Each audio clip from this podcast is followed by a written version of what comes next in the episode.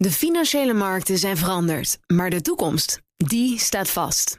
We zijn in transitie naar een klimaatneutrale economie.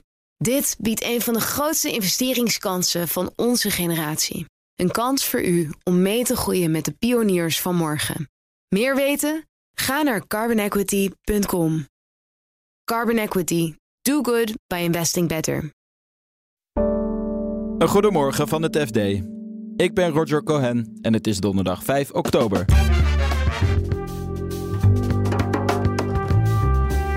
De rentes op staatsobligaties gaan omhoog. En dat gaat de schatkist geld kosten. Om de hogere rentelasten te kunnen financieren. De online gokmarkt werd twee jaar geleden gelegaliseerd. En sindsdien gokken steeds meer mensen en probleemgokkers kunnen lang onder de radar blijven. Vaak uh, schieten de controles op uh, gokproblemen en gokverslaving gewoon tekort. En vandaag weet Wopke Hoekstra of hij de nieuwe eurocommissaris wordt. Daarvoor moest hij wel flinke beloftes doen. Die zelfs uh, zo ver gingen dat een aantal uh, mensen uit zijn eigen uh, christendemocratische familie zich een hoedje schrokken van nou ho, ho kan het niet wat minder. Dit is de dagkoers van het FD. Beginnen we vandaag bij de obligatiemarkt. Daar lopen de rentes op staatsleningen op. Beursredacteur Marcel de Boer ziet de rentes in de buurt komen van oude niveaus. Gisterochtend steeg de Duitse rente voor het eerst sinds de zomer van 2011 boven de 3%. De Italiaanse ging voor het eerst sinds die schuldencrisis hè, van meer dan tien jaar geleden door de 5%. En de lange, de 30-jarige Amerikaanse rente ging voor het eerst sinds 2007 door de 5%. En wat is de reden voor deze ontwikkeling? Nou ja, beleggers houden er rekening mee dat centrale banken de rentes veel langer hoog zullen houden. Tot voor kort was het idee van als ze eenmaal de piek hebben bereikt, dan zal het niet zo heel lang meer duren voordat de rentes weer worden verlaagd door de centrale banken. En die, en die verwachting is, die begint te verdwijnen. Dus, dus beleggers hadden een bepaalde rente in hun hoofd en da daarna zouden de centrale banken die rente weer gaan verlagen. Ja, en nu is het idee van dat hij, hij komt op een plateau. Heel lang. Dat uh, drijft de, de rente op. De, de, de, mensen vinden obligaties minder interessant.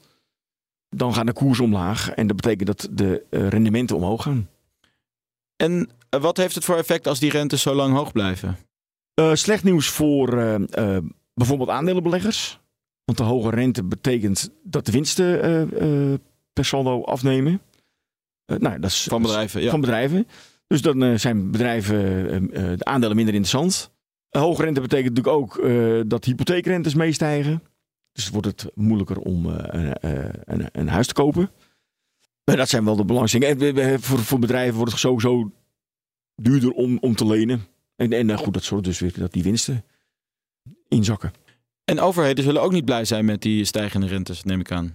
Nee, de, de, de, de, de kosten voor, uh, om de begroting uh, in evenwicht te houden, ja, die, uh, die nemen toe. En wat betekent dat voor de Nederlandse overheid? Nou ja, die moet miljarden extra zien vrij te maken om, die, om de hogere rentelasten te kunnen financieren. Twee jaar geleden werd op het internet een gokje wagen legaal. Sindsdien zijn er heel veel nieuwe gokkers bijgekomen, tot zorgen van experts.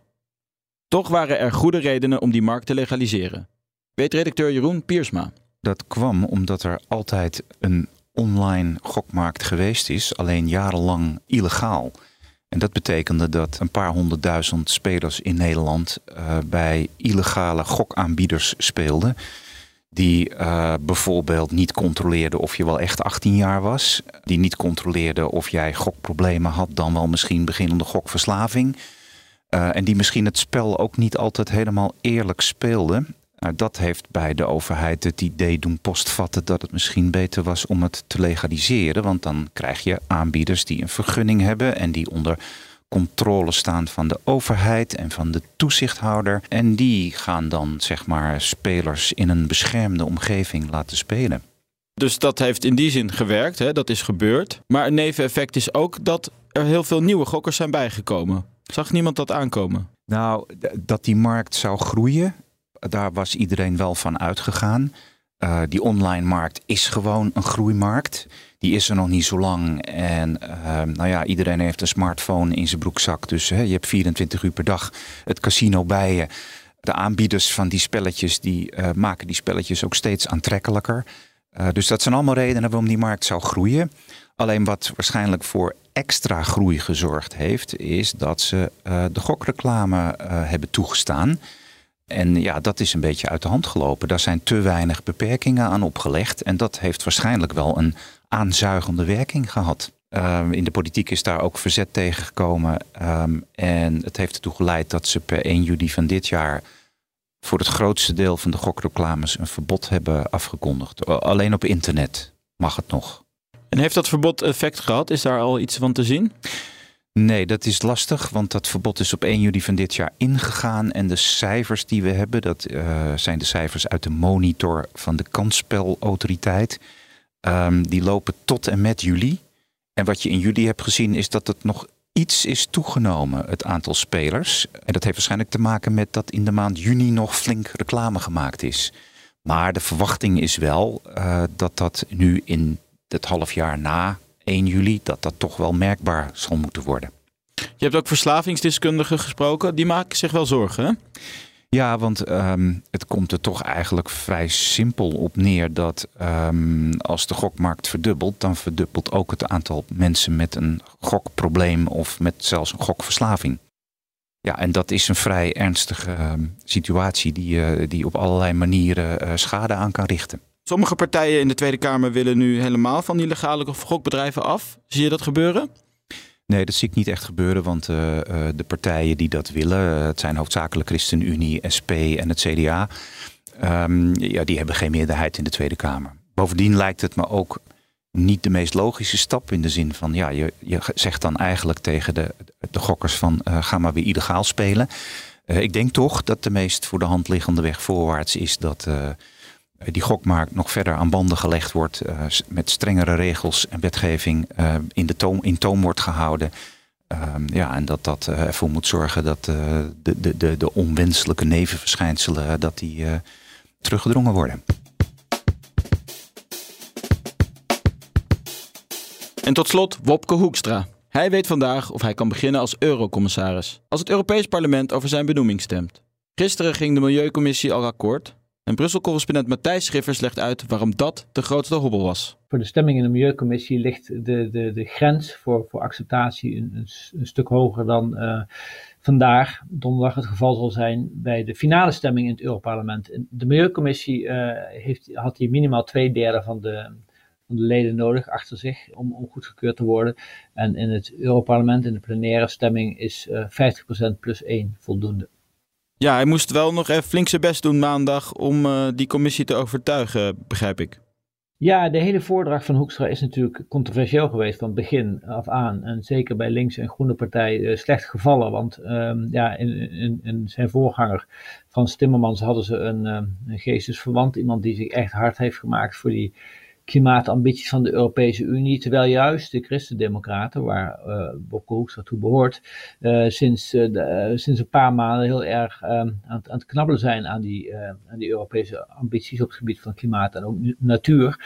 Dus bij de linkse en groene partijen besta bestaat angst, bestaan zorgen dat, um, dat die, die ideeën die, die er zijn in Brussel en die er de afgelopen jaren door Timmermans zijn uitgedragen, dat die niet in goede handen zijn bij de Christendemocraten Hoekstra. Dus die moest echt uh, het links- en groene kamp overtuigen om aan die twee derde uh, meerderheid te, te, komen. En uh, dat deed hij overigens op zich met verven door allerlei ferme, stevige groene beloftes te doen. Die zelfs zo ver gingen dat een aantal mensen uit zijn eigen christendemocratische familie zich een hoedje schrokken van nou ho, ho kan het niet wat minder de hoorzitting aan zich was niet voldoende om iedereen te overtuigen. Uh, want men, vond het draai van iemand als Hoekstra, die toch niet bekend staat als een klimaatkampioen, naar deze hele groene plannen die hij allemaal uh, ontvouwde, toch wel een beetje verdacht. En wilde uh, nog hem iets meer vastpinnen op wat hij nou precies belooft en van plan is. En daarom hebben ze hem nog wat schriftelijke vragen gesteld. Die heeft hij dan beantwoord. En daarna werd het zijn op groen gezet. En die ambitieuze projecten waar eigenlijk zijn eigen achterban ook wel van schrok. Heb je een paar voorbeelden en denk je dat hij daar nog mee in de problemen kan komen omdat ze gewoon zo ambitieus zijn en misschien moeilijk te realiseren? Nou, eentje wat heel, uh, heel belangrijk is, dat is um, uh, het klimaatdoel van de Europese Unie voor, voor 2040. Kijk, de Europese Unie heeft uh, voor 2030 een klimaatdoel. Dat is de CO2-uitstoot met 55% reduceren versus 1990. En ze hebben een klimaatdoel voor 2050. Dan willen ze klimaatneutraal zijn, oftewel alle uitstoot eigenlijk tot nul gereduceerd hebben.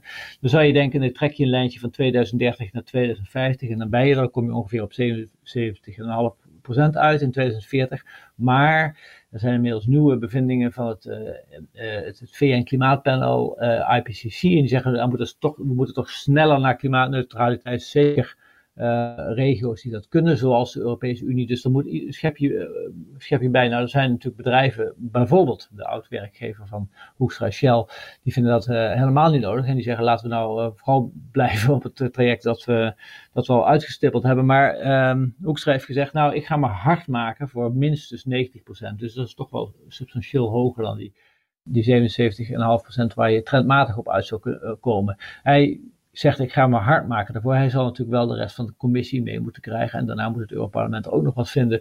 Dus um, ja, het is, een, het is een harde belofte die hij doet. Nou, het is een inspanningsbelofte. Het is niet iets waar hij op afgerekend kan worden als het niet lukt. Veel tijd heeft hij niet, hè? Als hij straks wel uh, wordt aangenomen. Nee, kijk, het, is, uh, het zijn Europese verkiezingen in, uh, in, juni 2024 en daarna komt er een, een nieuwe commissie.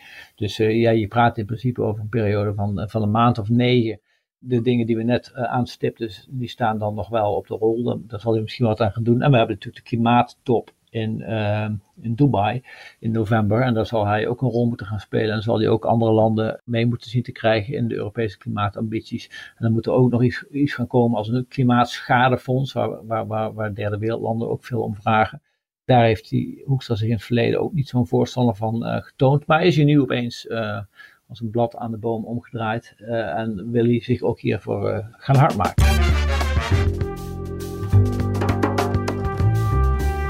Dit was de dagkoers van het FD.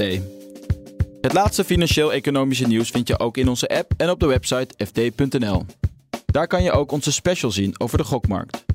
En de nieuwste dagkoers vind je morgenochtend gewoon hier in je podcast-app. Vergeet je niet te abonneren, dan krijg je hem automatisch binnen. Voor nu, een hele fijne dag en graag tot morgen.